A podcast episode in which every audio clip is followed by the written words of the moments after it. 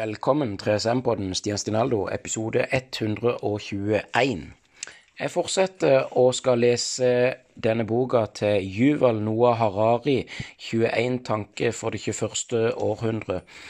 Og eh, forrige uke så leste jeg om Gud og sekularisme, og i dag skal jeg starte på del fire, sannhet. Og uvitenhet, rettferdighet, postsannhet og science fiction. Så eh, ønsker jeg alle fedre, besteforeldre, foreldre eh, og eh, alle andre pappa en riktig god farsdag i dag. Del fire sannhet.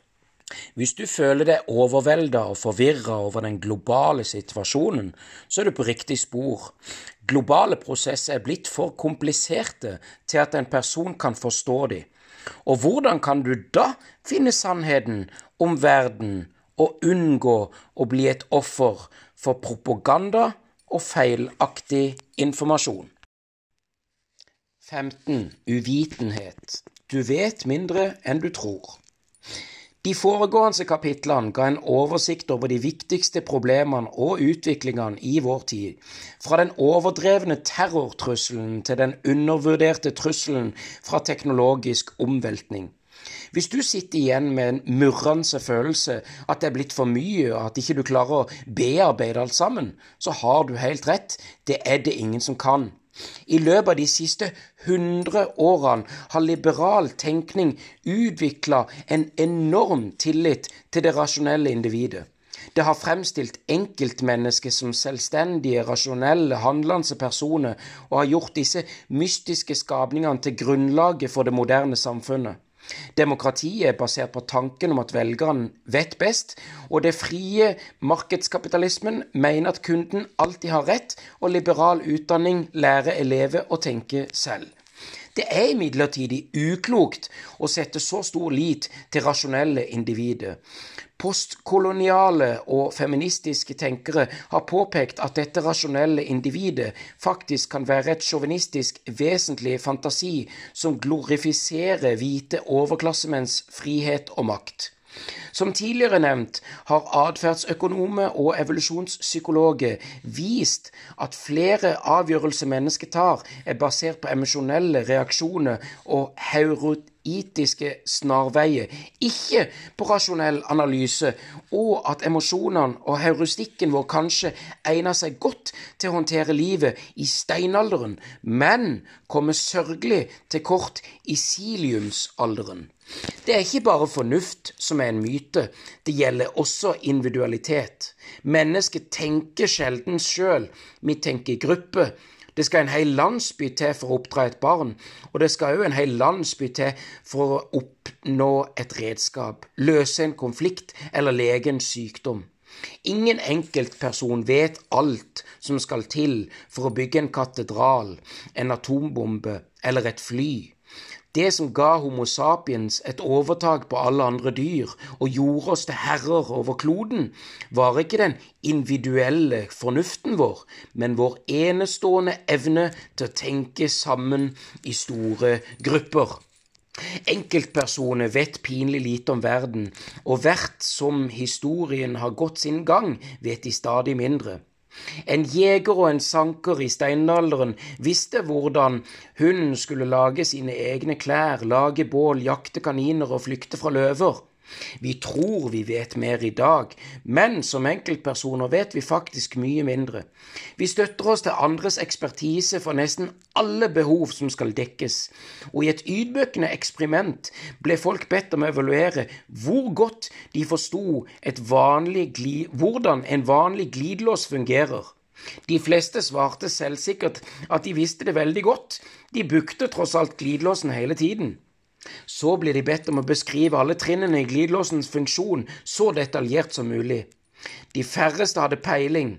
Dette har Steven Sloman og Philip Fernbach kalt kunnskapsillusjonen, og vi tror vi vet mye, selv om vi enkeltvis vet veldig lite fordi vi ser på kunnskap hos andre som vår egen.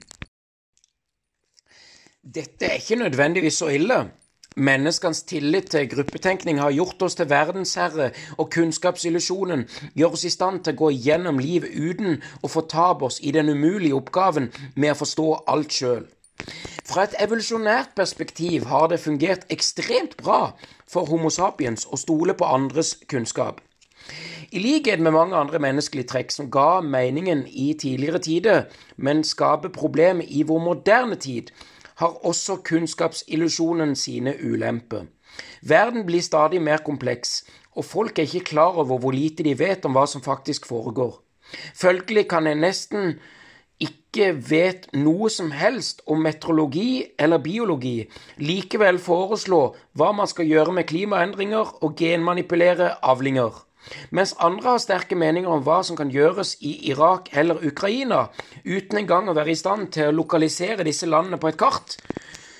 Folk innser sjelden sin egen uvitenhet fordi de lukker seg inne i et ekkokammer av likesinnede venner og selvbekreftende nyhetsstrømmer der meningen deres hele tiden blir forsterket og sjelden blir utfordret.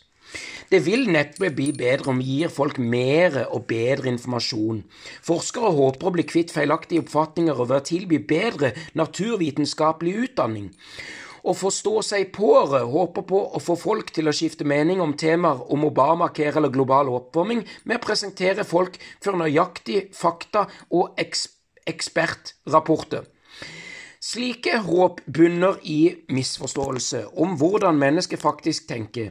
De fleste av synspunktene våre formes av felles gruppetenking, ikke av individuell fornuft.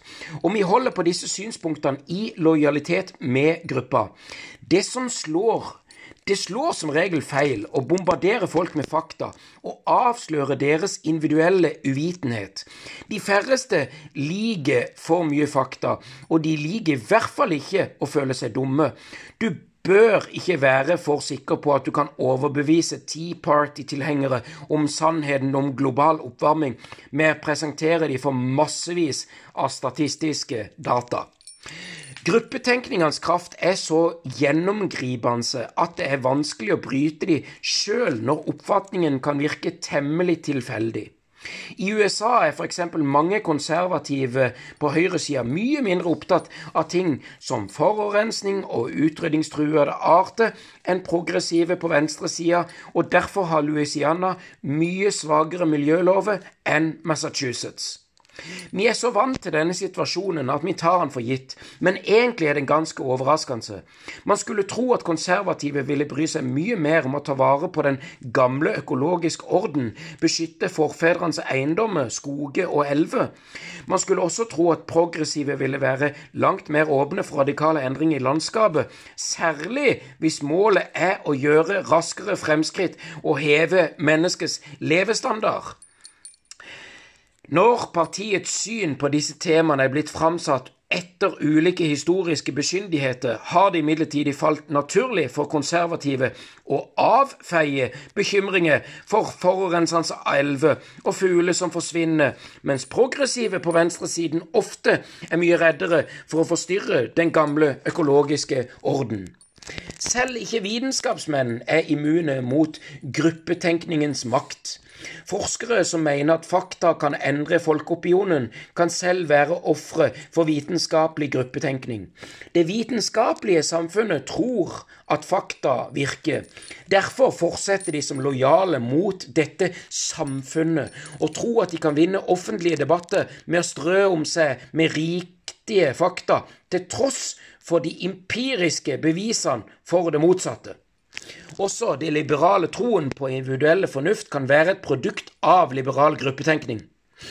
I et av høydepunktene i Monty Pythons Profeten, Brians liv og historien forveksler en stor mengde entusiastiske tilhengere Brian med Messias.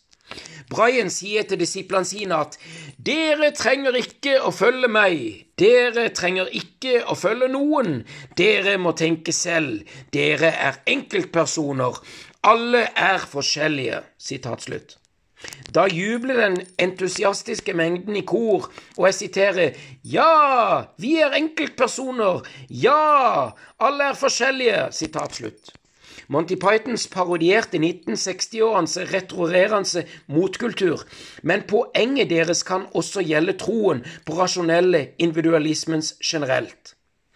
Moderne demokrati er fullt av folk som roper i kor, og jeg siterer Ja, velgeren vet best. Ja, kunden har alltid rett. Sitat slutt. Maktens svarte hull. Problemet med gruppetenkning og individuelle uvitenhet gjelder ikke bare vanlige velgere og kunder, men også presidenter og administrerende direktører. De kan ha mange rådgivere og store etterretningsbyråer til rådighet, men det gjør ikke nødvendigvis ting bedre. Det er fryktelig vanskelig å finne sannheten når du styrer verden. Du har det altfor travelt, og de fleste politiske ledere og forretningsmoguler er på farten hele tida. Hvis man vil gå dypere inn i noe, så trenger man mye tid. Det er ekstra viktig å kunne ha det privilegiet, det å kunne sløse med tida. Du må eksperimentere med uproduktive omveier, utforske blindgate, gi rom for tvil og kjedsommelighet, og kunne la små frø av innsikt vokser langsomt til blomster. Hvis du ikke har råd til å sløse bort tid, så kommer du aldri til å finne sannheten. Enda verre, stor makt fordreier alltid sannheten. Makt handler om å endre virkeligheten, ikke om å se den for hva den er. Når du står med en hammer i hånda, så ser alt ut som en spiker. Og når du sitter med stor makt, så ser alt ut som innviet til å stikke nesen i andres sage. Selv om du skulle klare å undertrykke denne trangen, kommer aldri kommer aldri folk rundt deg til å glemme den store hammeren du holder i. Alle som snakker med deg, vil ha bevist eller ubevist agenda, så du kan aldri tro fullt og helt på det de sier. Ingen sultan kan stole på at hoffmennene og undersåttene skal fortelle han sannheten. Derfor fungerer stor makt som et stort, svart hull som fordreier området rundt seg. Jo nærmere du kommer, desto mer fordreid blir alt sammen. Hvert ord blir ekstra vektig når du kommer inn i din omløpsbane, og hver person du ser, forsøker å smigre deg, blidgjøre deg eller sikre deg med, ja, de vet at du ikke kan bruke mer enn et minutt eller to på dem, og er redde for å si noe upassende eller uklart, og dermed ender de opp med å si enten tomme slagord eller verdens største klisjeer. For et par år siden ble forfatter invitert på middag med den israelske statsminister Benjamin Netanyahu. Venner advarte han mot å gå, men han klarte ikke å motstå fristelsen. Han håpte å endelig skulle få høre noen store hemmeligheter som bare blir røpt for viktige ører bak lukka dører. Og for en skuffelse. Det var omtrent 30 mennesker der, og alle prøvde å få oppmerksomheten til denne store mannen, Benjamin Netanyahu. Imponere ham med sitt vid, innydde seg om ham og sikre seg noe. Hvis det var noen der som visste noe en stor hemmelighet, så gjorde de en veldig god jobb med Holland for seg sjøl. Det var ikke akkurat Netanyahus eller noen andres feil. Feilen lå hos maktens tyngdekraft. Hvis du virkelig vil finne sannheten, så må du komme deg unna maktens svarte hull og tillate deg å sløse bort mye tid på å rusle hit og dit i periferien. Revolusjonær kunnskap kommer seg sjelden inn til sentrum, for sentrum bygger på eksisterende kunnskap, og det er ofte vokterne av denne gamle orden som bestemmer hvem som kan komme inn til maktens sentrum. Og de siler ofte ut budbringere som kommer med urovekkende, ukonvensjonelle tanker. De siler selvfølgelig også ut utrolig mye vås. Det er ingen garanti for visdom at man ikke blir invitert til Verdens økonomiske forum i Davos, og det er derfor du må sløse bort så mye tid i periferien, og det kan inneholde revolusjonerende innsikt, men for det meste fulle av uopplyste antagelser, avslørte modeller, overtroiske dogmer og latterlige konspirasjonsteorier. Dette betyr at ledere står ovenfor et alvorlig dilemma.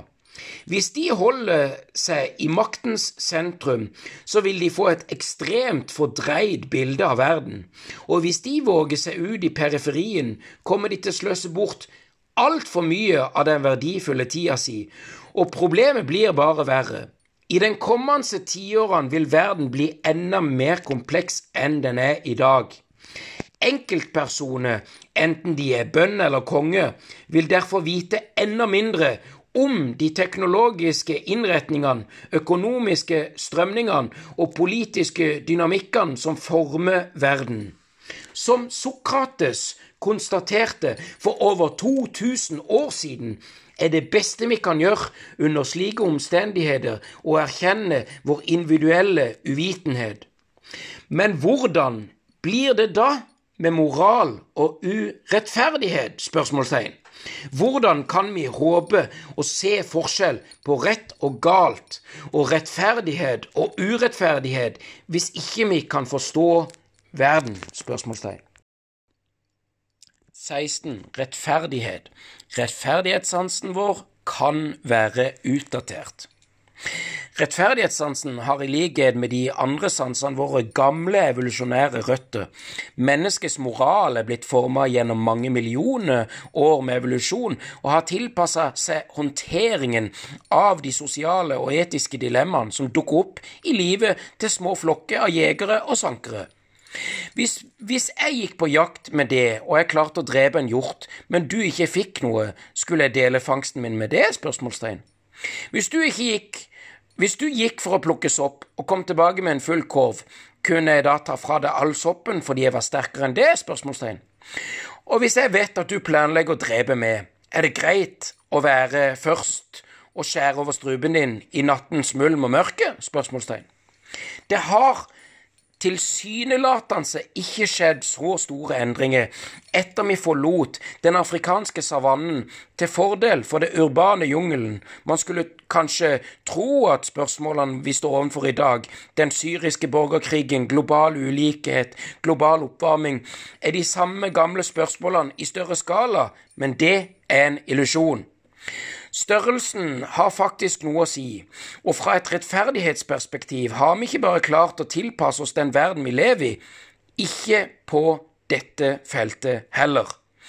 Det dreier seg ikke om verdispørsmål. Mennesket i det 21. århundre har mange verdier, enten de er sekulære eller religiøse. Problemet er å implementere disse verdiene i en kompleks global verden. Dette har altså med antall å gjøre.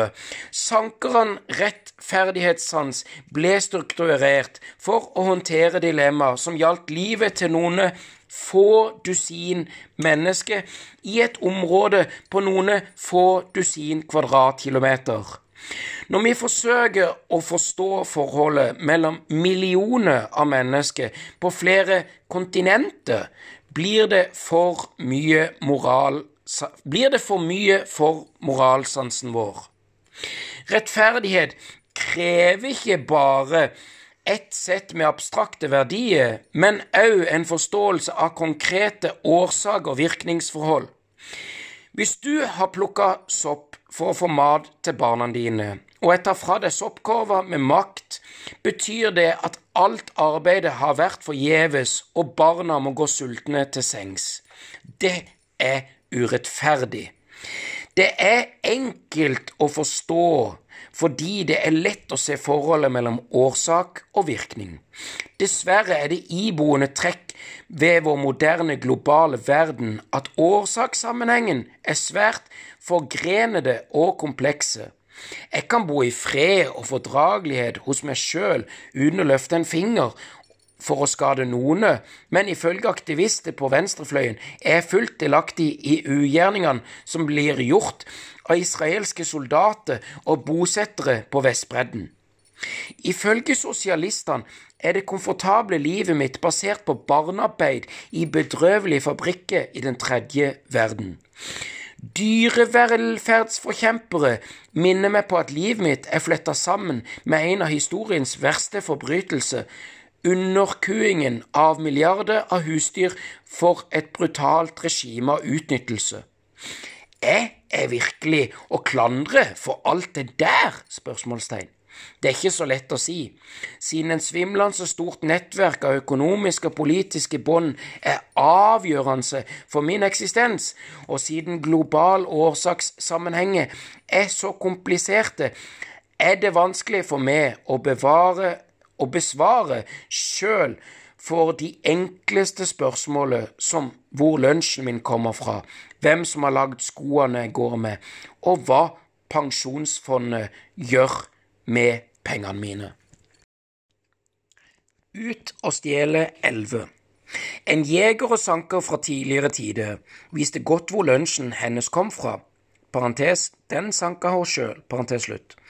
Og hvem som lagde mokasinene hennes. Parentes, han sov 20 meter unna. Parentes slutt. Og hva pensjonsfondet hennes gjorde. Parentes, det lekte i søla. På den tiden hadde folk bare et pensjonsfond, og det het Barnet. Parentes slutt. Er langt mer uviten enn denne jegeren og sankeren. Mange års researcharbeid kan komme til å avsløre at politikere jeg stemte på, i all hemmelighet solgte våpen til en lyssky diktatur på den andre sida av kloa. Men i løpet av tiden det tar meg å finne ut det, kan jeg ha gått glipp av langt viktigere oppdagelse, som eksempel skjebnen til hønsene som jeg spiste eggene fra til middag. Systemet er bygd opp på en måte som gjør at de som ikke anstrenger seg for å vite, kan fortsette å leve i lykkelig uvitenhet, og de som anstrenger seg, vil finne det svært vanskelig å finne sannheten. Hvordan er det mulig å unngå å stjele når det globale økonomiske systemet urettelig stjeler på mine vegne uten at jeg er klar over det? spørsmålstegn. Det spillet urettelige stjeler på mine vegne uten at jeg er klar over det. Det spiller ingen rolle om du dømmer handlinger ut fra konsekvenser. Parentes, det er galt å stjele fordi det gjør ofrene ulykkelige. Parentes slutt. Eller om du tror på kategorisk påbud som skal ifølge uavhengig av konsekvensene. Parentes, det er galt å stjele fordi Gud har sagt det. Parentes slutt. Problemet er at det har blitt ekstremt vanskelig å skjønne hva vi faktisk gjør. Budet om ikke å stjele blir utforma på en tid da det å stjele innebar at du egenhendig tok noe som ikke tilhørte det. I dag derimot dreier de viktigste argumentene om tyveri seg om helt andre scenarioer. La oss si at jeg investerer 10 000 dollar i aksje i et stort petro, petrokjemisk selskap som gir meg en årlig avkastning på 5% Selskapet er veldig lønnsomt fordi de ikke betaler for eksternaliteter, altså virkningen av aktiviteter som er til gagn eller ulempe for andre enn de som er direkte involvert i aktiviteten. De slipper ut giftig avfall i en elv i nærheten uten å bry seg om skadene på den regionale vannforsyninga. Folkehelsa eller den lokale dyre- og plantelivet, og det bruker pengene til å engasjere en hærskare advokater som beskytter selskapet mot mulige kompensasjonskrav. Det engasjerer også lobbyister som blokkerer alle forsøk på å vedta sterke miljølover. Kan vi beskylde selskapet for parentes stjele en elv? Spørsmålstegn. Og hva med meg, personlig? spørsmålstegn. Jeg brydde meg aldri inn i andres hus, og jeg napper ikke til meg dollarsedder i andre lommebøker. Men jeg er ikke klar over hvordan dette selskapet tjener penger. Jeg husker knapt jeg har investert penger der engang. Jeg er skyldig i tyveri? spørsmålstegn. Og hvordan kan vi handle moralsk når vi ikke engang har mulighet til å få kjennskap til alle relevante fakta? spørsmålstegn. Man kan forsøke å unngå problemet med å anlegge en gåseøyne intensjonsmoral. Gåseøyne slutt. Det viktigste er hvilke hensikter jeg har, ikke hva jeg faktisk gjør, eller hva som blir resultatet av det jeg gjør. I en verden der alt henger sammen, må man imidlertid forholde seg til, de u, til det overordnede moralske imperativet. De største forbrytelsene i moderne historie var ikke bare resultat av hat og grådighet, men i enda større grad av uvitenhet og likegyldighet. Sjarmerende engelske dame finansierte det atlantiske slavehandelen med å kjøpe aksjeobligasjoner på børsen i London, uten noen gang å sette sin fot i Afrika eller Karibia. Så sukret de ettermiddagen med snøhvite sukkerbiter produsert på helvestlige plantasjer som de ikke visste noe om. I Tyskland mot slutten av 1930-årene kunne den lokale postmesteren være en hederlig borger som sørger for de ansattes ve og vel, og personlig hjalp folk i nød med å finne bortkomne pakke. Han var alltid førstemann på jobb og sistemann til å gå hjem, og selv i snøvær sørga han for at posten kom fram i tide. Men så viste det seg at det effektive og gjestfrie postkontoret hans var en viktig celle i nazistens nervesystem. Det sendte av gårde rasistiske propaganda, innkallinger til militærtjeneste i, Wehrmacht og strenge ordre til lokale SS-offiserer. Det er noe i veien med intensjonene til de som ikke gjør en oppriktig innsats for å finne ut hva som skjer. Men hva regner vi som parentes, en oppriktig innsats for å finne ut hva som skjer? parentes slutt, spørsmålstegn. Bør postmestere i alle land åpne posten de skal levere og si opp jobben, eller gjøre opprør hvis de finner propaganda fra myndighetene? Det er lett å se seg tilbake med full moralsk visshet om det nazistiske Tyskland i 30-årene, fordi vi vet hvilken vei det gikk med kjeden av årsak og virkning. Men uten etterpåklokskapen kan moralsk vishet ligge utenfor rekkevidde. Det bitre sannheten er at verden ganske enkelt er blitt for komplisert for jegersankerhjernen vår. De fleste av urettferdighetene i dagens verden er resultatet av strukturelle fordommer i en stor skala, og ikke av individuelle fordommer og jegersankerhjerne. Ikke har ikke utvikla seg for å avsløre strukturelle fordommer. Vi er alle medskyldige i noen slike fordommer, og vi har ikke tid eller krefter til å avsløre alle sammen. Det jeg fikk sjøl erfare eh, forfatter under arbeidet med denne boka, når jeg diskuterer globale tema, står jeg alltid i fare for å legge mer vekt på synspunktet til den globale eliten fremfor synspunktet til grupper som er mindre heldig stilt. Den globale eliten dominerer samtalen, så den synspunktet er det umulig å gå glipp av. Mindre heldig stilte grupper, derimot, blir som regel brakt til taushet, så dem er det lett å glemme. Og ikke av vond vilje, men av ren uvitenhet. Jeg vet f.eks. ingenting om de unike synspunktene og problemene til abogoriene fra Tasmania. Jeg vet faktisk så lite at i en tidligere bok antok at de ikke eksisterer lenger fordi de ble utsletta av europeiske nybyggere. Sannheten er at det finnes flere tusen mennesker i dag som har sine aner i den aborginske befolkning i Tasmania. Og de kjemper med mange unike problemer. Ett av de er mange, og ikke minst lærere vitenskapsmenn benekter deres eksistens. Selv om du personlig tilhører en mindre heldig stilt gruppe, og derfor har førstehåndskjennskap til gruppens synspunkter, betyr det ikke at du forstår synspunktene til alle andre slike grupper. Hver gruppe og undergruppe står ovenfor ulike labyrinter av glasstak, dobbeltmoral, kodede fornærmelser og institusjonelle diskrimineringer. En 30 år gammel afroamerikansk mann har 30 års erfaring med hva det vil si å være en afroamerikansk mann. Han har imidlertid ingen erfaring med hva det vil si å være en afroamerikansk kvinne, en bulgarsk romkvinne, en blind russer eller en kinesisk lesbisk kvinne. Da denne afroamerikanske mannen vokste opp, ble han stadig stoppa og ransaga av politiet, og tilsynelatende uten grunn, noe den kinesiske lesbiske kvinnen aldri ble utsatt for. Men siden han ble født i en afroamerikansk familie, i et afroamerikansk strøk, var han omgitt av folk som han, og de lærte ham det han trengte å vite for å overleve og blomstre som afroamerikansk mann. Den kinesiske lesbiske kvinnen ble ikke født inn i en lesbisk familie, i et lesbisk strøk, og hun hadde kanskje ingen som kunne lære henne det hun trengte å vite. Følgelig er det neppe lettere å forstå hvor vanskelig det er å vokse opp som lesbisk i hans sko, selv om han vokste opp som svart i Baltimore. I tidligere tider betydde ikke dette så mye, men for ingen mente at man var ansvarlig for situasjonen til folk helt andre steder i verden.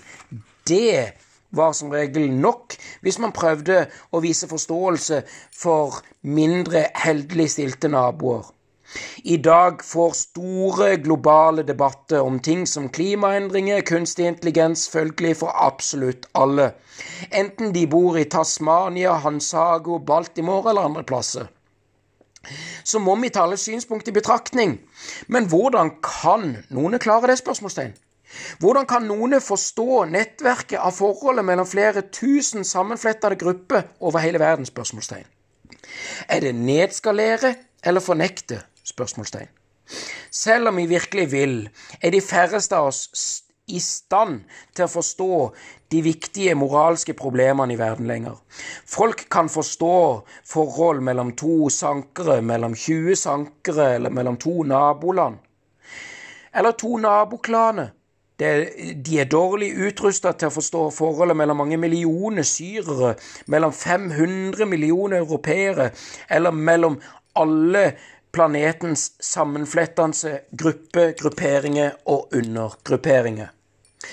Når folk skal forstå, forsøke å forstå og finne løsninger på moralske dilemmaer i en så stor skala, så tyr de ofte til én av fire metoder. Den første er å nedskalere problemet, forstå det syriske borgerkrigen som den var en krig mellom to sankere, forestill det Assad-regimet som en person og opprøreren som en annen, en god og en ond. Konfliktens historiske kompleksitet blir erstattet av ett enkelt, klart plott. Den andre er å konsentrere seg om den rørende personlige historien som tilsynelatende er representativ for hele konflikten. Når du med hjelp av statistikk og presise data forsøker å forklare folk hvor kompleks konflikten faktisk er, mister du de. Men en personlig historie om et barns skjebne får fart på tårekanalene, får blodet til å syde og generere falsk moralsk visshet. Dette er noe mange veldedige institusjoner har skjønt lenge. I et bemerkelsesverdig eksperiment ble folk bedt om å gi penger for å hjelpe en sju år gammel jente fra Mali som het Rokia. Mange ble rørt av historien hennes og åpnet hjertet og lommeboka, og da forskerne i tillegg til Rokias personlige historie også presenterte folk for statistikk for de omfattende fattigdomsproblemene i Afrika, ble plutselig forsøkspersonen mindre villig til å hjelpe. Og i en annen studie ba forskere om penger til å hjelpe enten et sykt barn eller åtte syke barn. Folk har mer penger til det ene barnet enn til gruppen på åtte. Og den tredje metoden for å håndtere moralske dilemmaer i stor skala er å klekke ut konspirasjonsteorier. Hvordan fungerer den globale økonomien, og er den god eller dårlig? spørsmålstegn. Det er vanskelig å forstå. Det er mye enklere å forestille seg at 20 mangemilliardærer trekker i trådene i kulissene, kontrollerer media og hisser til krig for å berike seg sjøl. Og sånt er nesten alltid grunnløse fantasier. Verden i dag er altfor komplisert, og ikke bare for rettferdighetssansen, men også for ledersevnen vår. Ingen, og ikke engang mange milliardærer, CIA, frimurere, science, eldste brødre, forstår egentlig hva som foregår i verden i dag. Det er faktisk ingen som er i stand til å trekke godt nok i trådene. Så disse tre metodene prøver å fornekte hvor komplekse verden er. Og den fjerde og siste metoden er å skape et dogme, sette vår lid til et påstått allvitende teori, institusjon eller høvding og følge de dit det måtte lede oss. Religiøse og ideologiske dogmer er fremdeles meget attraktive i vår vitenskapelige tidsalder, nettopp fordi de tilbyr en trygg havn i ly for virkelighetens frustrerende kompleksitet. Som tidligere nevnt har ikke sekulær bevegelse vært unntatt fra den faren. Selv om du begynner med å avvise alle religiøse dogmer og tro fullt og helt på vitenskapelig sannhet, vil virkelighetens kompleksitet før eller senere bli så irriterende at du blir drevet til å finne på en doktrine ingen bør stille spørsmål ved. Slike doktriner gir, gir folk intellektuell trøst og moralsk visshet, men om de gir rettferdighet, er diskutabelt. Hva skal vi gjøre? spørsmålstegn. Skal vi slutte oss til det liberale dogmet og stole på summen av individuelle velgere og kunder? spørsmålstegn? Eller skal vi av vise den individualistiske tilnærmingen, styrke samfunnet og prøve å skjønne verden sammen, slik mange tidligere kulturer i historien har gjort? spørsmålstegn. En slik løsning fører oss eh, imidlertid bare fra asken med individuelles uvitenhet til ilden med fordomsfulle gruppetenkninger. Jegersankerflokker, landsbysamfunn og selv bydeler kunne tenke sammen om de felles problemene de står overfor. Men nå har vi globale problemer uten å ha et globalt samfunn. Verken eh, Facebook, nasjonalisme eller religion i nærheten av å skape et slikt samfunn. Alle eksisterende menneskestammer er mye mer opptatt av å fremme egen særinteresse enn av å forstå den globale sannheten. Verken amerikanere, kinesere, muslimer eller hinduer utgjør det globale samfunnet. Så deres tolkning av virkeligheten kan vi ikke stole på. Skal vi gi opp og erklære menneskets søken etter sannhet og rettferdighet for mislykka? spørsmålstegn? Har vi offisielt gått inn i postsannhetstidsalder? spørsmålstegn. 17. Postsannhet. Noen falske nyheter varer evig. Nå for tiden blir vi stadig fortalt at vi lever i en ny og skremmende tidsalder av postsannhet, og at vi er omgitt av løgner og oppspinn. Det er ikke vanskelig å finne eksempler, og i slutten av februar 2014 invaderte russiske spesialstyrker uten militære insignier Ukraina og okkuperte viktige installasjoner på Krimhalvøya. Russiske myndigheter og president Putin benekta gjentatte ganger at det var russiske tropper, og beskrev de som spontane selvforsvarsgrupper som kunne ha fått tak i utstyret som så russisk ut i lokale butikker. Da Putin og de politiske sekretærene hans kom med den temmelig latterlige påstanden, visste de utmerka godt at de løy. Russiske nasjonalister kan unnskylde løgnen med å hevde at den tjente som en høyere sannhet, fordi Russland var i en rettferdig krig, og hvis det er greit å drepe for en rettferdig sak, må det vel også være greit å lyve? Spørsmålstegn. Det er overordnelse som skulle ha rettferdiggjort for av Ukraina, var å bevare den hellige russiske nasjonen. Ifølge russiske nasjonalmyte er Russland en hellig enhet som har holdt ut i tusen år til tross for brutale fienders gjentatte forsøk på å invadere og dele opp nasjonen. Etter mongolene, polakkene og svenskene, Napoleons store armé og Hitlers Wehrmacht var det i 1990-årene Nato, USA og EU som prøvde å ødelegge Russland ved å fjerne deler av moderlandet og forme dem til falske land som Ukraina. For mange russiske nasjonalister er tanken om at Ukraina er en annen nasjon enn Russland, en mye større løgn enn noe president Putin sa under det hellige oppdraget med å reintegrere det russiske nasjonen. Ukrainske borgere, observatører utenfra og profesjonelle historikere kan bli opprørt over slike forklaringer, og se på det som en slags atombombeløgn. I den russiske arsenal av svik og bedrag.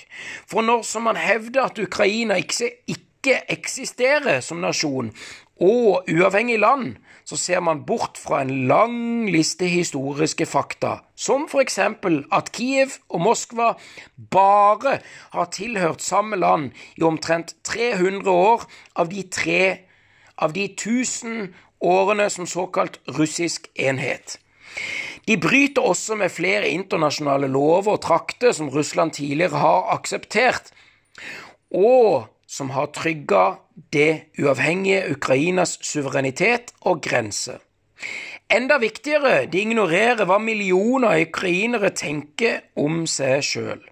Skal ikke de få lov å ha et ord med i laget om hvem de er? spørsmålstegn.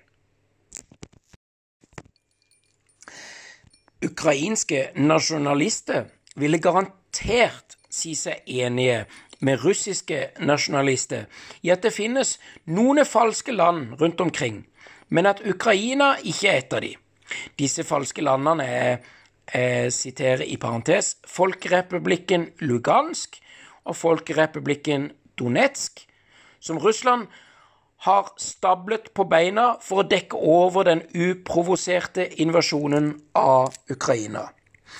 Uansett hvilken side man støtter, kan det virkelig se ut at vi lever i en skremmende tidsalder av postsannhet, der ikke bare spesielle militære hendelser, men hele historie og nasjoner kan være falske. Men hvis dette er postsannhetens tidsalder, når var vi egentlig sannhetens idylliske tidsalder? spørsmålstegn. I 1980-årene? spørsmålstegn. I 1950-årene? spørsmålstegn. I 1930-årene? spørsmålstegn. Og hva er det som utløste overgangen til postsannhetens tidsalder? spørsmålstegn. Internettspørsmålstegn, sosiale medier? spørsmålstegn, Putin og Trumps fremvekst? spørsmålstegn. Et overfladisk blikk på historien viser at propaganda og desinformasjon ikke er noe nytt. Selv Vannen med å fornekte hele nasjoner og skape falske land har lange tradisjoner. I 1931 iscenesatte den japanske hæren falske angrep på seg sjøl med å rettferdiggjøre de invasjonen av Kina, og deretter opprettet de falske landet Mandushuko for å legitimere erobringene. Kina har på sin side for lenge siden fornekta Tibets eksistens som uavhengig land, og britiske bosetninger i Australia ble rettferdiggjort gjennom den juridiske doktrinen terra nullus, ingenmannsland, som i realiteten slettet 50 000 år med aboginhistorie. På begynnelsen av 1900-tallet snakka et popularistisk sionistisk slagord om hjemvendelsen av i parentes, et folk uten land, jødene, til et land uten folk, Palestina. parentes slutt. Men så beleilig nok bort fra eksistensen til den lokale arabiske befolkningen. Og i 1969 sa den israelske statsministeren Golda Meir de berømmelige ordene om at ikke det finnes noe palestinsk folk, og at det aldri har gjort det. Slike synspunkter er svært vanlige i Israel den dag i dag, til tross for flere tiår med væpna konflikter mot noe som ikke eksisterer. I februar 2016 holdt den eh, holdt f.eks. parlamentsmedlem Anat Berko en tale i det israelske parlament der hun trakk i tvil realiteten av og historien til det palestinske folk. Beviset? spørsmålstegn. Bokstaven P eksisterer ikke engang på arabisk, så hvordan kan det finnes et palestinsk folk? spørsmålstegn. Og på arabisk parentes står det her, på arabisk bruker man F for P, og det arabiske navnet for Palestina er Falestin. Parentes slutt. Postsannhetarten. Mennesket har alltid levd i postsannhetens tidsalder. Homo sapien er postsannhetsart, og makten deres har vært avhengig av å skape og tro på oppdikta historie. Helt siden steinalderen har vi brukt selvforsterka myter myte for å forene menneskegrupper. Homo sapiens erobra faktisk kloden først og fremst på grunn av menneskets unike evne til å skape og spre oppdikta historie. Vi er de eneste pattedyrene som kan samarbeide med utallige fremmede fordi det bare er vi som kan dikte opp historier, spre de og overbevise millioner andre om at de skal tro på de. Så lenge alle tror på de samme oppdikta historiene, så følger vi de samme lovene, og dermed kan vi samarbeide på en effektiv måte. Så hvis du klandrer Facebook, Trump eller Putin for å innlede en ny og skremmende tidsalder av postsannhet, kan du bare minne deg sjøl på at millioner av kristne for mange århundre siden stengte seg inne i selvforsterkende mytologiske bobler og aldri å våge stille spørsmål med Bibelens faktiske troverdighet. Mens millioner av muslimer tror blindt på Koranen, og i flere tusen år har det man så på som i parentes nyheter, parentes fakta, i menneskelige sosiale nettverk vært historie som mirakler, engler, djevler, heksler og med djerve reportere som direkte overførte reportasje fra helvetes dype avgrunn. Vi har ingen vitenskapelig beviser for at Eva ble frista av slangen, at sjelene til alle ikke-troende brenner i helvete etter at de dør, eller at universets skaper ikke liker at Brahim gifta seg med en kasteløs. Likevel har milliarder av mennesker trodd på alle disse historiene i mange tusen år, og noen falske nyheter varer evig. Jeg er klar over at mange kan bli opprørt over at jeg likestiller religion med falske nyheter, men det er egentlig ikke det som er poenget. Når tusen mennesker tror på en oppdikta historie i en måned, er det falske nyheter. Når en milliard mennesker tror på det i tusen år, så er det en religion. Og vi blir advart mot om å kalle det i parentes falske nyheter, for ikke såre de troende, parentes, eller utsette oss for deres vrede, parentes slutt. Merk deg imidlertid at jeg ikke fornekter religionens effektivitet eller potensielle godhet, snarere tvert imot. Fiksjon er så godt og vondt det mest effektive verktøyet i menneskets verktøykasse. Med å føre folk sammen gjør religiøse trosretninger det mulig med menneskelig samarbeid i en stor skala. De inspirerer folk til å bygge sykehus, skole, broer, i tillegg til hære og fengsler. Adam og Eva har aldri eksistert, men katedralen i Chartres er uansett vakker. Mye av Bibelen kan være oppdikta, men det kan likevel bringe glede til mange milliarder og motivere mennesker til å være barmhjertige, modige og kreative. På samme måte som en annen stor skjønnlitteratur, som Don Qua, Krig og fred og Harry Potter. Nok en gang, noen kan bli fornærma over at jeg sammenligner Bibelen med Harry Potter.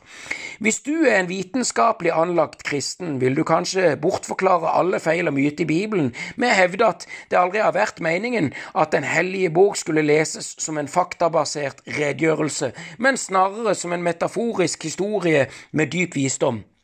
Men gjelder ikke det også for Harry Potter? spørsmålstegn. Hvis du er kristen fundamentalist, vil du nok heller insistere på at hvert ord i Bibelen er en bokstavelig sannhet. La oss for en stund anta at du har rett, og at Bibelen faktisk er de ufeilbarlige ordene til den ene sanne Gud.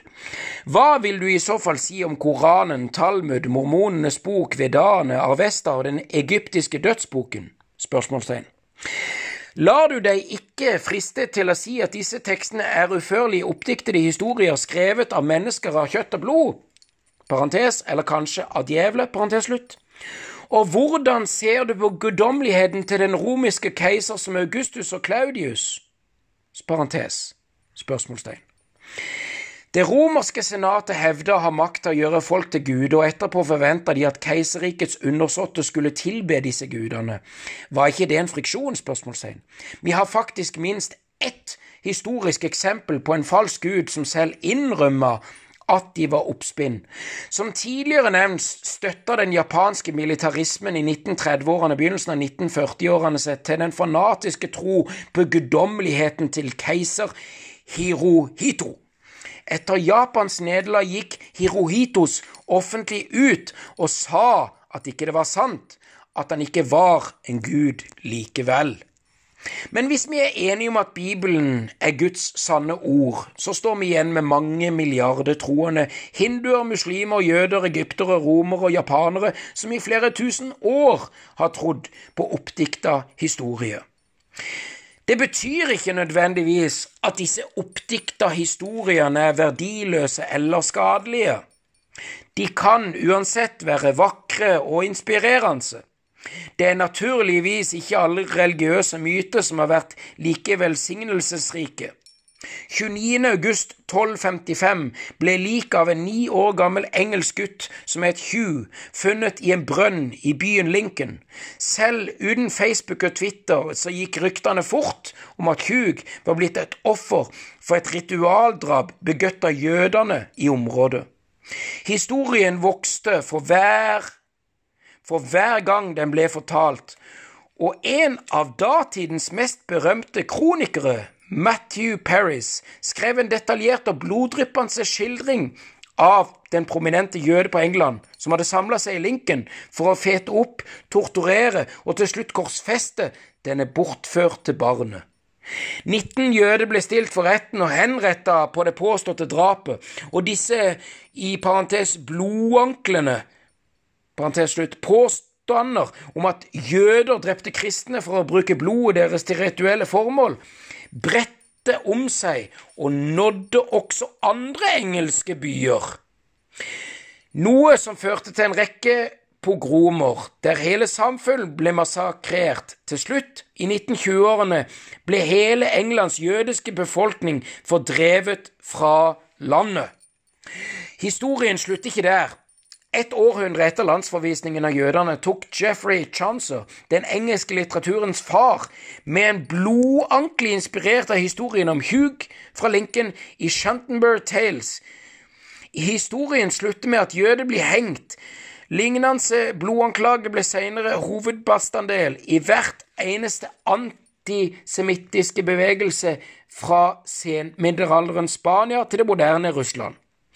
Man kan til og med høre et svakt ekko av dette i den falske nyheten fra 2016 om at Hillary Clinton leda et nettverk som drev med barnehandel og holdt barn som sexslave i kjelleren til en populært pizzeria. Det var såpass mange amerikanere som trodde på historien at de gikk utover valgkampen til Clinton, og en person kom til og med med bevæpna med skyttervåpen til pizzerien og krevde å få se kjelleren. Og i parentes, det viste seg at pizzerien ikke hadde noe kjeller. Parentes slutt. Når det gjelder Hugo fra Lincoln, og at det er ingen som vet hvordan han døde, men han ble gravlagt i katedralen i Lincoln og tilbedt som en helgen, han skal ha utført flere mirakler, og gravkammeret hans tiltrekker flere fremdeles pilegrimer flere århundre etter at alle jøder var drevet ut fra England. Først i 1955, ti år etter holocaust, tok katedralen i Lincoln avstand fra blodanklagene og satte opp en plakat med gravkammeret til Hugh, der det står, og jeg siterer Oppdikta historie om jødiske samfunns ritualdrap på kristne gutter var vanlig i hele Europa i middelalderen og i mange år etterpå. Disse oppdiktede historiene kostet mange uskyldige jøder livet, og Lincoln hadde en egen legende, og det påståtte offeret ble gravvakt i katedralen i 1255, og slike historier bidrar ikke til å gi kristendommen et godt rykte parentes, ja ja, noen falske nyheter varer bare i 700 år. En gang løgn, alltid sannhet. Gamle religioner er ikke de eneste som har brukt friksjon for å befeste samarbeid. I nyere tid har hver enkelt nasjon skapt sin egen nasjonale mytologi, mens bevegelser som kommunismen, fascismen og liberalismen har utforma uførlige, selvforsterka lærersetninger. Nazistenes eh, propagandasjef Joseph Goebbels, kanskje den mest moderne tidsalderens dyktigste mediemester, skal ha forklart metoden sin kort og konsistent ved å erklære at parentes, en løgn som blir sagt en gang, er og blir en løgn, men en løgn som blir sagt tusen ganger, blir sannheten.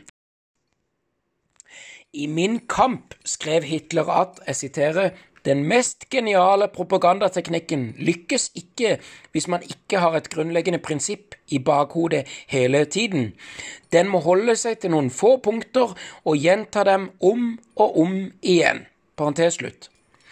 Kan noen av vår tids eh, produsenter av falske nyheter forbedre denne teknikken? spørsmålstegn. Den sovjetiske propagandamaskinen var like lemfeldig med sannheten og omskrev historien for alt, fra hele krigen til enkeltfotografiet. 29.6.1936 hadde landets offisielle avis Pravada eh, parentes, sannhet. Et fotografi av en smilende Josef Stalin på forsiden, der han omfavner den sju år gamle jenta Geleja Markisova.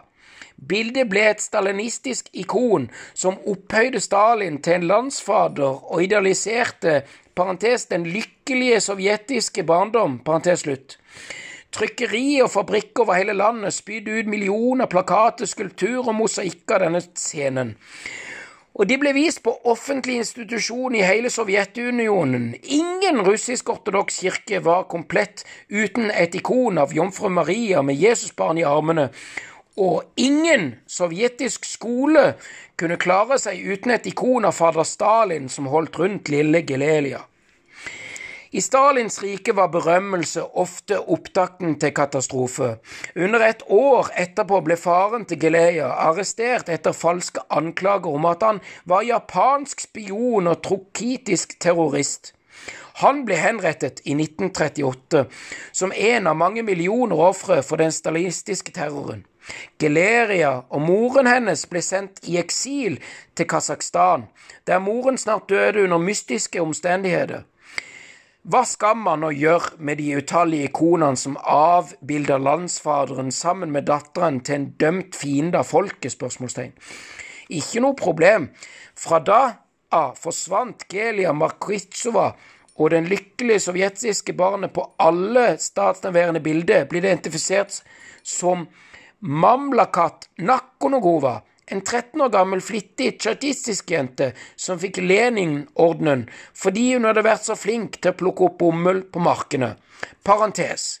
Hvis noen mente at jenta på bildet ikke så ut som en 13-åring, viste de bedre enn å gi uttrykk for slike kontrarevolusjonære vranglære. Parentes slutt. Den sovjetiske propagandamaskinen var så effektiv at den klarte å skjule avskyelige ugjerninger hjemme, samtidig som den projiserte en utopisk visjon utenlands. I dag er det mange ukrainere som klager over at Putin har klart å lure så mange i vestlige medier med hensyn til Russlands handlinger i Krim og Donbas. Sammenlignet med Stalin er han imidlertid en amatør i bedrageriets kunst. På begynnelsen av 1930-årene så lovpriste vestlige journalister og intellekte USSR som et idealsamfunn på en tid da millioner ukrainere og andre sovjetiske borgere døde på grunn av den menneskeskapte hungerkatastrofen som Stalin orkestrerte. I Facebook og Twitters tid så kan det av og til være vanskelig å vite hvilken versjon av en begivenhet man skal tro på, men det er i det minste ikke mulig lenger for et regime å drepe mange millioner uten at verden får vite om det. Hva med en liten eh, kaffeslurk? Ah, det var godt. Husk å drikke vann òg. I tillegg til religioner og ideologier brukes også kommersielle selskaper, fiksjon og falske nyheter. Merkevarebygging går ut på å fortelle samme oppdikta historie om og om igjen til folk blir overbevist om at den er sann. Hvilke bilder dukker opp i hodet ditt når du tenker på Coca-Cola? spørsmålstegn? Tenker du på unge, sunne mennesker som driver med sport og har det moro sammen? spørsmålstegn? Eller tenker du på overvektige diabetespasienter som ligger i en sykehusseng? Du blir verken ung, sunn eller atletisk av å drikke Coca-Cola. Det øker risikoen for overvekt og diabetes. Likevel har Coca-Cola i mange tiår investert milliarder av dollar på å knytte seg til ungdom, helse og sport, og milliarder av mennesker tror underbevisst på denne koblingen. Sannheten er at sannhet aldri har stått høyt på agendaen til Homo sapiens. Mange tror at hvis en spesiell religion eller ideologi gir en uriktig fremstilling av virkeligheten, kommer tilhengerne garantert til å oppdage det før eller senere fordi de ikke vil klare å konkurrere med mer klarsynte rivaler. Det er bare enda en beroligende myte, og i praksis er det gode samarbeidet mellom mennesker avhengig av en hårfin balanse mellom sannhet og fiksjon. Hvis du fordreier virkeligheten for mye, så vil det svekke deg med å få det til å handle på urealistiske måter. I 1905 så hevda for eksempel en østafrikansk medium som het Kinshikitili Ngwale å være besatt av slangeånden Hungo. Det, den nye profeten hadde et revolusjonerende budskap til folket i tyst Øst-Afrika. Foren dere, kast ut tyskerne for å gjøre budskapet med forlokkende, ga vangvale tilhengerne sine en magisk medisin som skulle gjøre tyske kuler til vann. Parentes Maji på swahili. Slik begynte Maji-Maji-opprøret. Det mislykkes. De tyske kulene ble nemlig ikke til vann på slagmarken. De borer seg nådeløst inn i kroppen til de dårlige bevæpna opprørerne. Og 2000 år tidligere ble det store jødiske opprøret mot romerne inspirert av en lignende brennende tro på en gud ville kjempe for jødene og hjelpe dem med å overvinne den tilsynelatende uovervinnelige Romerriket. Det mislykkes også og førte til at Jerusalem ble ødelagt og jødene drevet i eksil. På den andre side så kan du ikke organisere store mengder mennesker på en effektiv måte uten å støtte det til et eller annen form for mytologi. Hvis du holder deg til uforfalska sannhet, er det ikke så mange som vil følge det. La meg si det igjen. Hvis du holder deg til en uforfalska sannhet, så er det ikke så mange som vil følge det. Fordi uten myte så vil det verken være mulig å organisere det mislykkede Maji-Mai-opprøret, det jødiske opprøret, eller langt mer vellykka Madi-opprøret og Makka-Bere-opprøret. Usanne historier har faktisk en fordel framfor sannheten når det gjelder å forene folk. Hvis du vil måle gruppelojalitet, så er det mye bedre test å kreve at folk skal tro på noe så absurd enn å be de om å tro på det som er sant. Hvis en stor høvding sier at parentes, solen står opp i øst og går ned i vest, parentes slutt, så kreves det ingen lojalitet til høvdingen for å applaudere. Men hvis høvdingen sier at parentes, solen står opp i vest og går ned i øst, vil bare de som virkelig er lojale, klappe i hendene. Det samme gjelder hvis alle naboene dine tror på samme uhyrlige historie. Da kan du stole på at de vil stå sammen i en krise. Så hva beviser det hvis de er villige til å tro på alminnelig anerkjente fakta? spørsmålstegn. Du vil kanskje hevde at i det minste i noen tilfeller er mulig å organisere mennesker på en effektiv måte med å hjelpe en felles enighet uten oppdikta historie og myter. I økonomien så binder penger og selskapet folk sammen på en langt mer effektiv måte enn en god eller hellig bok, selv om alle vet at det bare er noe mennesket har funnet på. I tilfelle med en hellig bok vil en sann troende si at, parentes, jeg tror at boken er hellig, og i tilfelle med dollaren vil en sann troende bare si at, parentes, jeg tror at andre tror dollaren er verdifull. Parentes slutt. Det er åpenbart at dollaren bare er noe mennesker har funnet på, men folk over hele verden respekterer han likevel. Så hvorfor kan ikke alle Hvorfor kan ikke i så fall mennesker legge fra seg alle myter og friksjoner og organisere seg på grunnlag av noe det råder felles enighet om, som for eksempel dollaren? Slike konvensjoner skiller seg imidlertid ikke klart fra fiksjon. Forskjellen på hellige bøker og penger er eksempel mye mindre enn den kan virke ved første øyekast. Når folk ser en dollarseddel, så glemmer de ofte at det bare er noe mennesker har funnet på. Når de ser den grønne papirlappen med bilde av en hvit, død mann, så ser de som en verdif...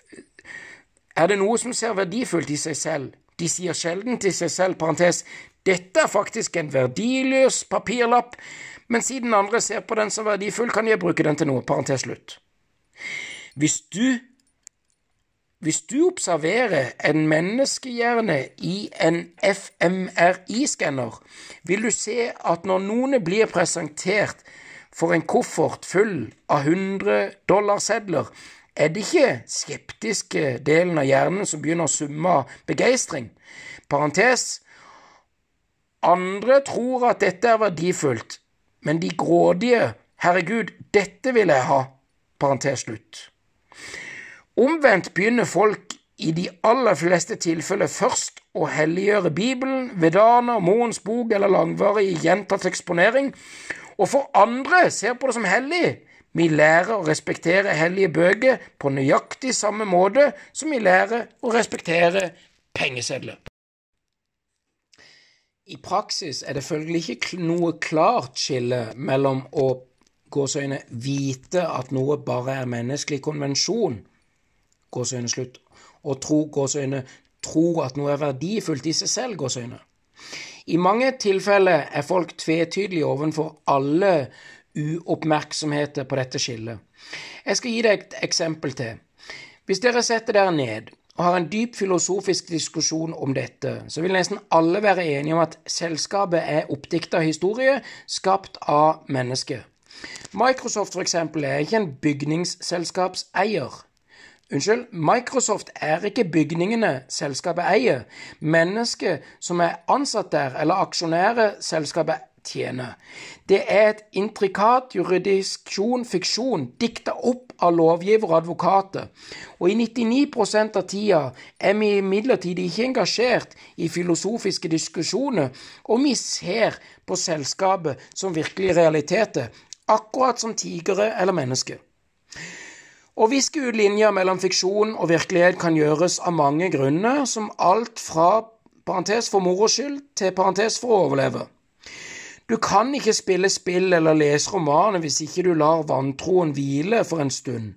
Hvis du virkelig skal ha glede av fotball, så må du akseptere spillereglene og glemme i minst 90 minutter at det bare er noen mennesker som har funnet på.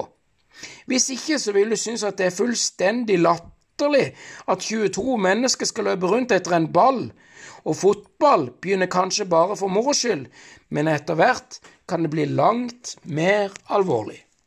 Det kan enhver engelsk hooligan eller argentinsk nasjonalist skrive under på, for fotball kan bidra til å formulere personlig identitet, befeste store samfunn og til og med utløse bruk av vold. Nasjon og religioner er fotballklubber på steroider. Mennesket har en bemerkelsesverdig evne til å vite og ikke vite på en og samme tid. Eller rettere sagt, det kan vite noe når det tenker seg om, men stort sett tenker de ikke på det, og da vet de ikke det. Hvis du virkelig tenker deg om, så skjønner du at penger er fiksjon. Men eh, vanligvis så tenker du deg ikke så nøye om. Og hvis du blir spurt, så vet du at fotball er noe mennesker har funnet på. Men i kampens hete er det ingen som spør deg om det. Hvis du bruker tid og krefter på det, så kan du oppdage at nasjoner er forseggjorte historier, men midt i en krig så har du ikke tid og krefter til det.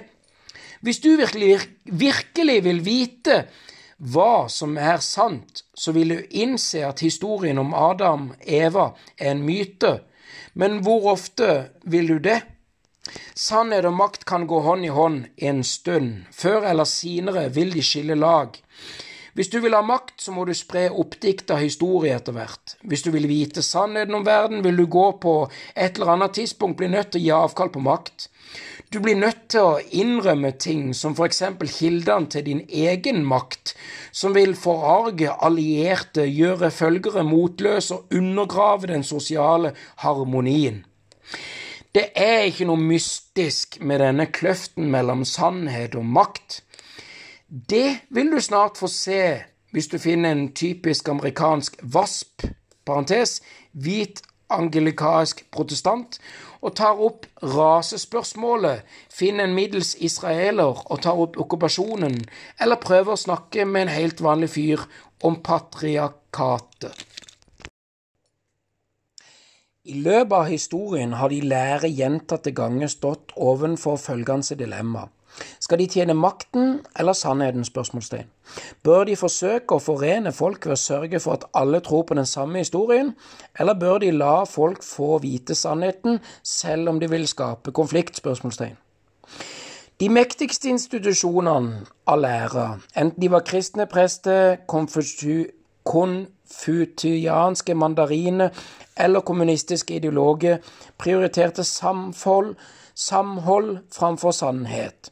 Det var derfor de var så mektige. Mennesket som art foretrekker makt framfor sannhet. Vi bruker mye mer tid og krefter på å prøve å kontrollere verden enn å prøve å kontrollere og forstå den.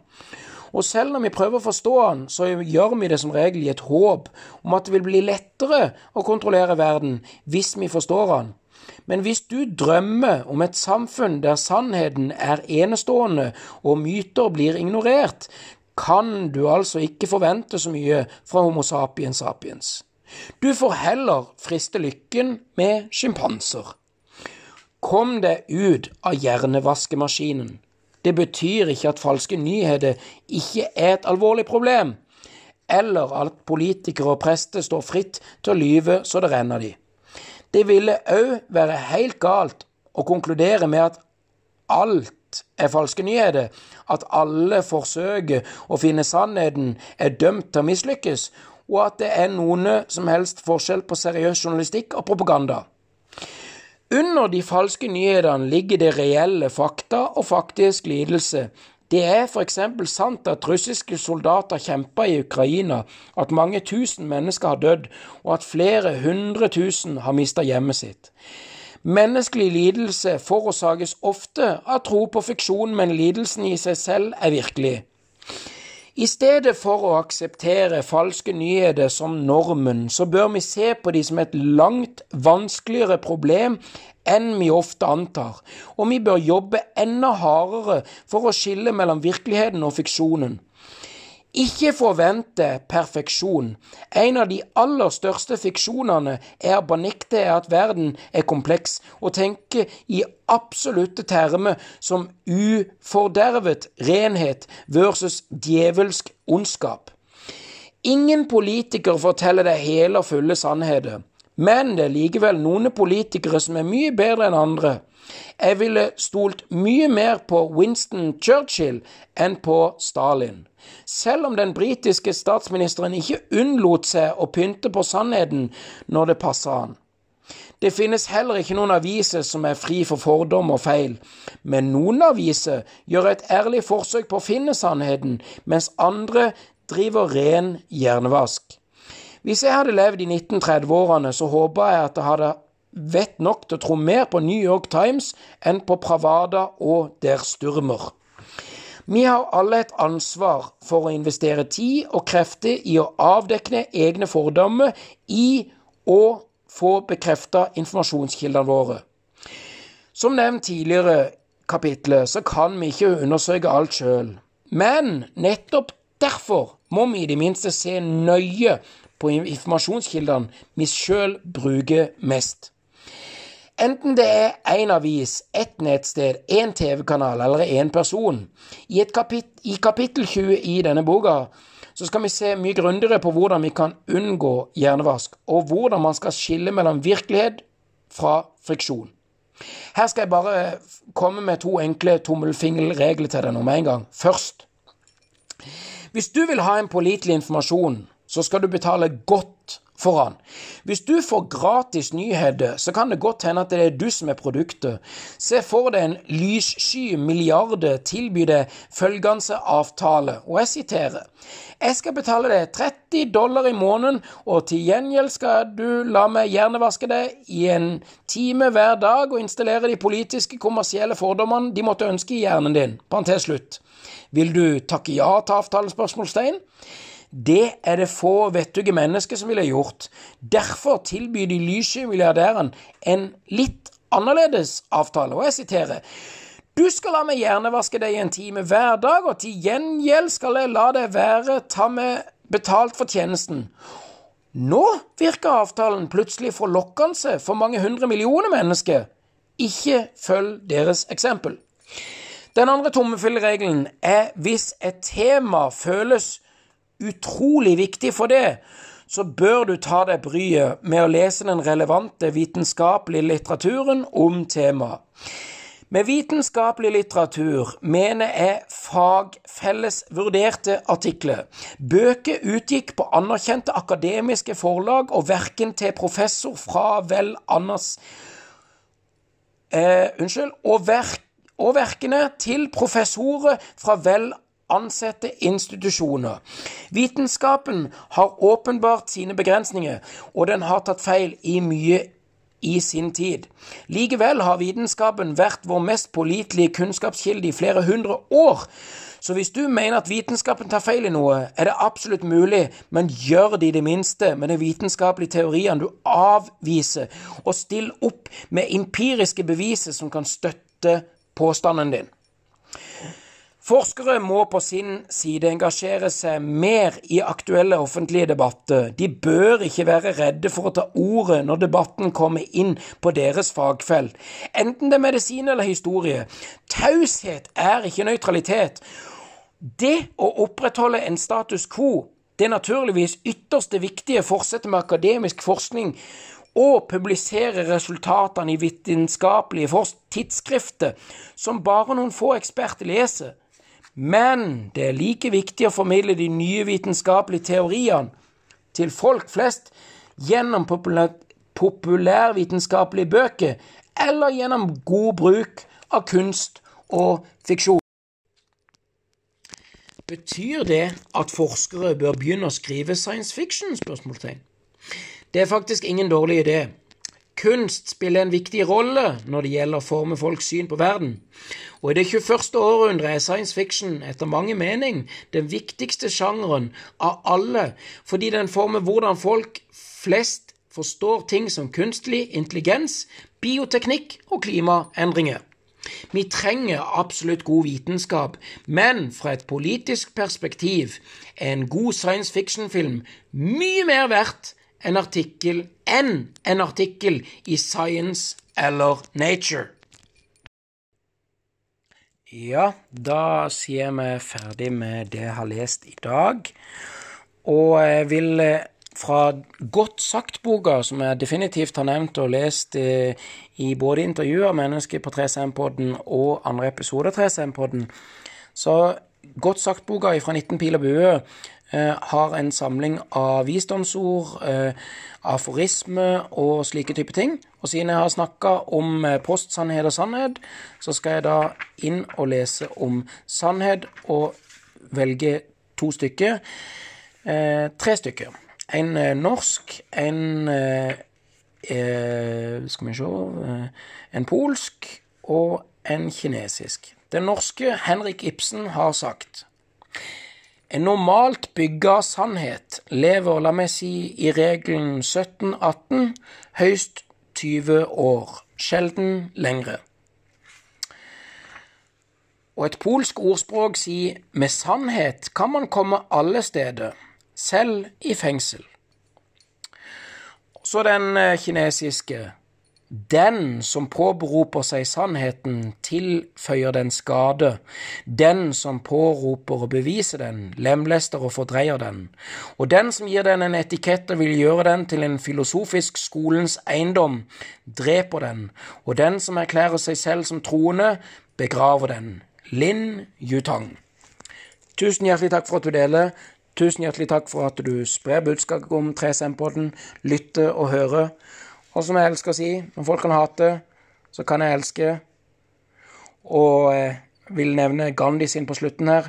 Hvis du syns at alt er galt her i verden, så husk at det er folk lik deg sjøl som har gjort verden til den er. Fordi verden er bedre enn noensinne. Fred og kjærlighet til dere alle sammen. Tenk positive tanker, bruk positive ord, gjør positive handlinger, og det positive gror. Fred og kjærlighet til dere alle på moder jord, her vi bor så kan jeg elske. Jeg elsker det. Instagrammen min ssshow2020. Nettsida mi 3sm.no. Du er elska.